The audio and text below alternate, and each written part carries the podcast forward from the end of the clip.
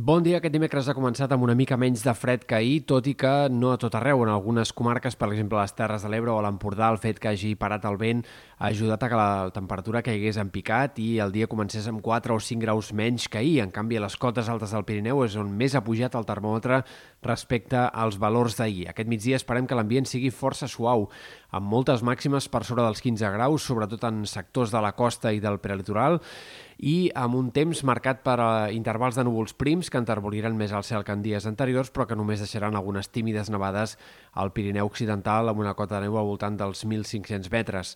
De cara als pròxims dies hem de seguir esperant un panorama de núvols prims, cel enterbolit de cara a demà, i sobretot també divendres i el cap de setmana, però sempre amb més clarianes que no pas presència de núvols prims.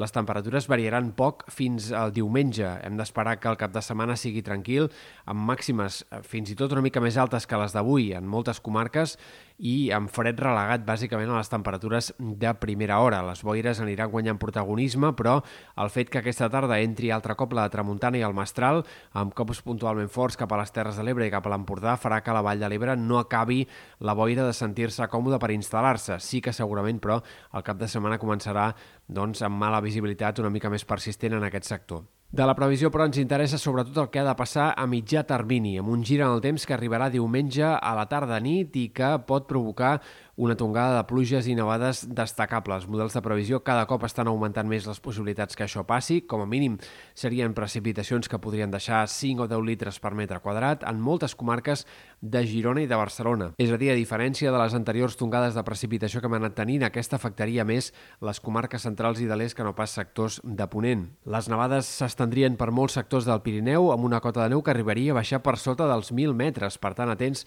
a aquest gir perquè ens portarà l'ambient més fred de l'hivern fins ara de cara a l'inici de la setmana que ve. I és possible que aquest fred es reactivi a mitjans de la setmana vinent, de manera que podríem encadenar 4 o 5 dies d'un fred molt viu la setmana que ve i amb les temperatures més baixes d'aquest hivern fins ara. Per tant, arriba un ambient purament d'hivern a partir de diumenge a la nit i de cara a l'inici de la setmana que ve i veurem si tenim sort i a més a més aquest gir en el temps va acompanyat d'alguns ruixats i nevades eh, com a mínim entre diumenge a la tarda i nit.